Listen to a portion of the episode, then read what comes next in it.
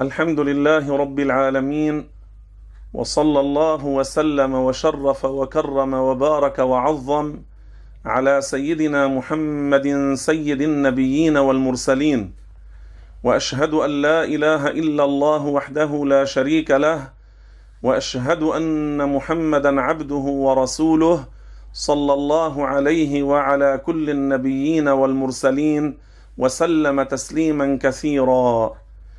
أما بعد إخواني وأخواتي أذكركم بإخلاص النية لله تعالى في سماع هذه الفوائد والأسئلة والأجوبة وأقترح عليكم أن تحملوا الكتاب معكم. هذا الكتاب بهجة النظر الذي فيه الكثير من الفوائد. فلو حصلتموه لكل أفراد العائلة للكبار والصغار والرجال والنساء. وهذا يرسخ حفظ المعلومات. فإن قرأتم وسمعتم ثم أنتم ذاكرتم وراجعتم هذا مما يقوي حفظ المعلومات. ونكمل إن شاء الله تعالى بعد أن أنهينا في الحلقة السابقة وتكلمنا عن صفة الوحدانية لله عز وجل. بسم الله والحمد لله وصلى الله وسلم على سيدنا محمد رسول الله السؤال العاشر ما معنى الأحد؟ الجواب قال بعض العلماء هو بمعنى الواحد وقال بعضهم الأحد هو الذي لا يقبل الانقسام أي ليس جسما لأن الجسم يقبل الانقسام عقلا والله تعالى ليس جسما قال تعالى قل هو الله أحد. وقال تعالى في ذم الكفار وجعلوا له من عباده جزءا. وقال الإمام أبو الحسن الأشعري في كتاب النوادر من اعتقد أن الله جسم فهو غير عارف بربه وإنه كافر به. وهذه قضية مهمة لأنها تتعلق في صلب العقيدة لأن الذي يعتقد بأن الله تعالى جسم أو كمية أو حجم لو قال هو كمية ممتدة إلى غير نهاية أو اعتقد أنه جسم متسع إلى غير نهاية أو قال بقدر السماء أو بحجم العرش أو أكبر أو أصغر مع ذلك لا يكون من المسلمين لأن الجسم لا يكون إلا مخلوقا. الجسم لا يكون ازليا. الجسم حادث مخلوق له بداية. وقد قال الإمام أحمد رحمه الله رحمة واسعة من قال الله جسم لا كالأجسام كفر لماذا؟ لأنه يفهم معنى الجسم. أنه المركب الأجزاء الذي له بداية مخلوق فقال الله جسم ثم قال لا كالاجسام أحمد بن حنبل يقول هذا كافر لأنه بعد أن قال أو اعتقد بأن الله جسم لا ينفعه بعد ذلك الإنكار كأن يقول لا كالاجسام أو النفي كأن يقول لا كالاجسام لأنه أقر وقال واعتقد بأن الله جسم وهو يفهم معنى الجسم فيكون خارجا عن الإسلام ولا ينفعه قوله لا كالأجسام. بل هذه العبارة تناقض. قوله الله جسم يعني الله مخلوق ثم قوله لا كالأجسام ليس مخلوقا وهذا تضارب. فمثله مثل من يقول الله عاجز ثم قال لا كالعاجزين. بعد أن قال الله عاجز هل ينفعه قوله لا كالعاجزين؟ لا ينفعه. ثم لم يرد في القرآن ولا في السنة ولا في إجماع الأمة ولا في لغة العرب إطلاق الجسم على الله ولا تسمية الله بالجسم. كل هذا لم يرد بل هذا جاء من الكفار. اذا الله ليس جسما. ولو كان الله جسما على قول هؤلاء المجسمة المشبهة الذين يعتقدون أن الله جالس على العرش أو يسكن السماء أو بذاته في السماء أو يقولون هو جسم لا كالأجسام على قولهم تجوز عليه النهاية ويجوز عليه الفناء. لماذا؟ لأن الجسم يتجزأ الجسم يقبل الانقسام ثم ينتهي.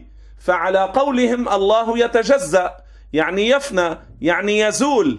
وفي الأول جعلوه مخلوقا له بداية وجعلوه متغيرا يعني يحتاج إلى من يغيره.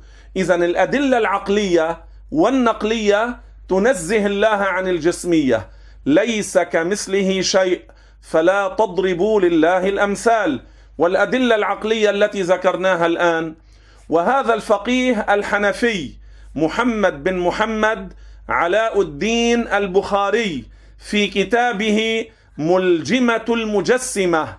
ماذا يقول؟ فالمجسم كافر إجماعا. وقال سيدنا ومولانا السعيد الشهيد الحسين رضي الله عنه وأرضاه في تنزيه الله نوحده ولا نبعضه لأن الذي يتبعض هو الجسم والله ليس جسما. لذلك قال سيدنا علي بن أبي طالب رضي الله عنه وأرضاه من زعم أن إلهنا محدود فقد جهل الخالق المعبود. يعني كان كافرا بالله ولا يكون من المسلمين. فالله الواحد الأحد بمعنى الذي لا شريك له والأحد قال بعض العلماء بمعنى الذي لا يقبل الانقسام وقد ذم الله المشركين الذين قالوا إن الله له ولد فرد عليهم وكذبهم وكفرهم فقال وجعلوا له من عباده جزءا. السؤال الحادي عشر ما معنى الأول والقديم إذا أطلقا على الله؟ الجواب معنى الأول الذي لا ابتداء لوجوده فهو وحده الأول بهذا المعنى. قال تعالى هو الأول والآخر. وبمعناه القديم إذا أطلق على الله تعالى. واجتمعت الأمة على جواز إطلاق القديم على الله. قال ذلك الزبيدي في شرح إحياء علوم الدين. هذه المسألة لها أدلة كثيرة والقرآن فيه كثير من الأدلة. الله عز وجل يقول في القرآن الكريم هو الأول والآخر وفي الحديث الصحيح الذي رواه مسلم ورواه أبو داود والترمذي وابن حبان والنسائي والبيهقي قال صلى الله عليه وسلم اللهم أنت الأول فليس قبلك شيء وأنت الآخر فليس بعدك شيء. وهذه الألفاظ الأول والقديم والأزلي إذا أطلقت على الله فمعناها واحد. ما هو معناها الذي لا ابتداء لوجوده؟ ما معناها أن الله تعالى أزلي لم يسبقه عدم؟ لأن هذا العالم حادث مخلوق له بداية. هذا العالم لم يكن موجودا في الأزل. الله خلقه فصار موجودا. ولو كان الله تعالى له بداية لكان مخلوقا كالعالم. ولو كان مخلوقا كالعالم ما استطاع أن يخلق العالم. لأن المخلوق لا يخلق والمخلوق عاجز. والعاجز لا يكون إلها والمخلوق ضعيف والضعف صفة نقص والنقص لا يجوز على الله. اذا الأول والقديم والأزلي إذا أطلقت على الله فبمعنى الذي لا بداية لوجوده بمعنى الأزلي. وقد قال الإمام الأشعري فيما نقل عنه أبو بكر ابن فورك في كتاب مجرد المجرد من مقالات الشيخ أبي الحسن الأشعري أو مجرد مقالات الشيخ الأشعري. والكتاب مطبوع وموجود في الأسواق. ماذا نقل عن الإمام الأشعري؟ أجمعت الأمة على إطلاق القديم على الله. نعم مر معنا أن الحافظ الزبيدي في كتابه الإتحاف نقل الإجماع على جواز إطلاق القديم على الله لكن الأشعري سبق بمدة بعيدة وهو إمام من أئمة أهل الإسلام يعني المسألة ليست حادثة أو جديدة أو ابتكرها الإمام الزبيدي لا بل أبو بكر ابن فورك تلميذ الباهلي تلميذ الأشعري في كتابه المجرد نقل الإجماع عن أبي الحسن الأشعري على إطلاق القديم على الله.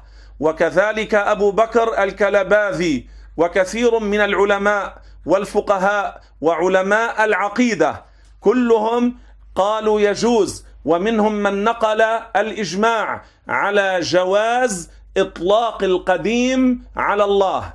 لماذا ذكرنا هذه الأدلة؟ لأن المشبهه المجسمة يمنعون ذلك. لماذا؟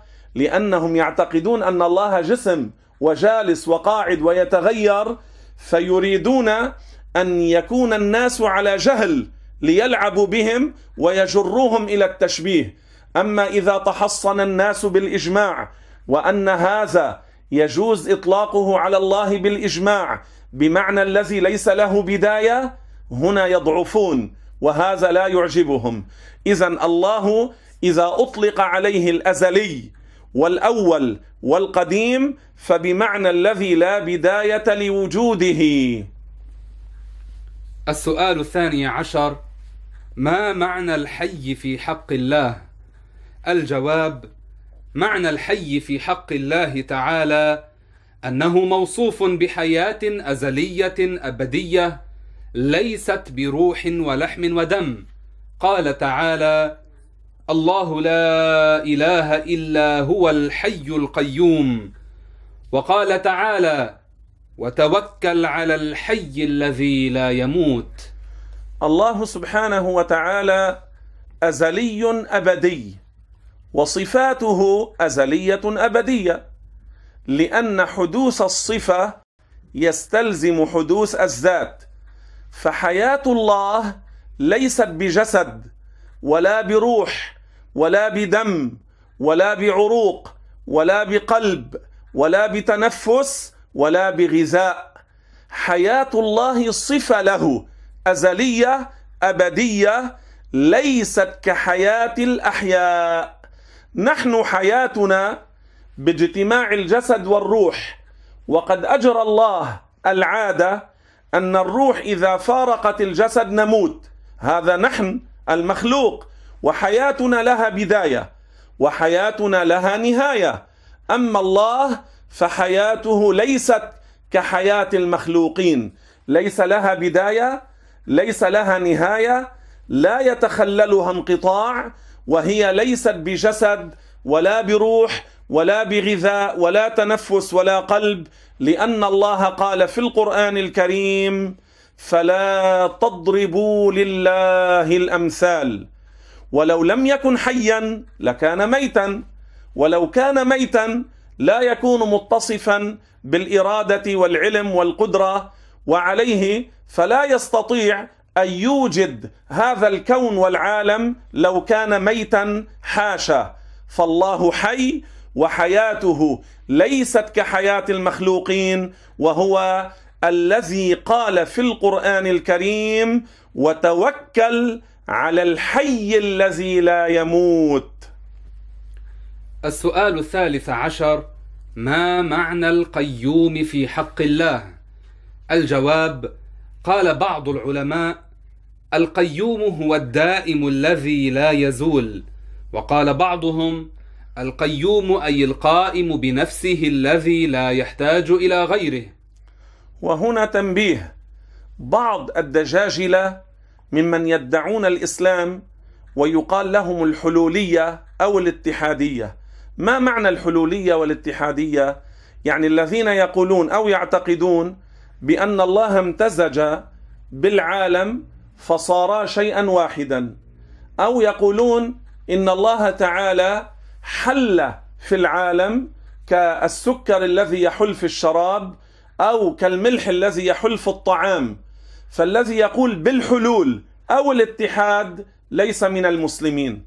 الله كذبهم وقال في القرآن لم يلد ولم يولد نفي للمادية والانحلال.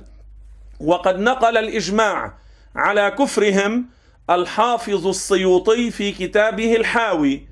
وهنا تنبيه من بعض معتقداتهم. ماذا يقولون؟ عن معنى القيوم يقولون القائم فينا على زعمهم يعتقدون أن الله حل فيهم ويقولون الله حل في مشايخهم وبعضهم يوسع على زعمه فيقول هو الكل والكل هو الله ويقول أنت الله والجدار هو الله. هؤلاء أشد كفرا من اليهود فيقولون القيوم يعني القائم فينا على زعمهم الحال فينا وهذا تكذيب لرب العالمين. إذا معنى القيوم كما مر أن الله سبحانه وتعالى هو المدبر لشؤون الكون والعالم. الله لا يحتاج إلى أحد ويحتاج إليه كل أحد. أما الذي يقول بالحلول أو الاتحاد فليس من المسلمين ونقل الإجماع على كفرهم أيضا ملا علي القاري الحنفي غير السيوطي. وأيضا قال الفقيه العلامة الشيخ محي الدين ابن عربي رحمه الله من قال بالحلول فدينه معلول وما قال بالاتحاد إلا أهل الإلحاد. يعني كفرهم. فاذا الحذر الحذر.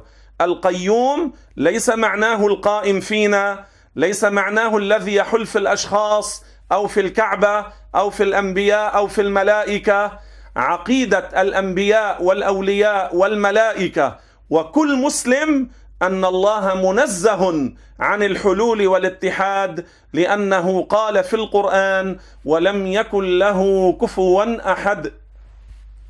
السؤال الرابع عشر ما معنى الدائم في حق الله؟ الجواب معنى الدائم الذي لا يلحقه فناء. والفناء مستحيل عقلا في حق الله. فلا دائم بهذا المعنى إلا الله ولا شريك لله تعالى في الديمومية لأن الله دائم بذاته لا شيء غيره أوجب له ذلك.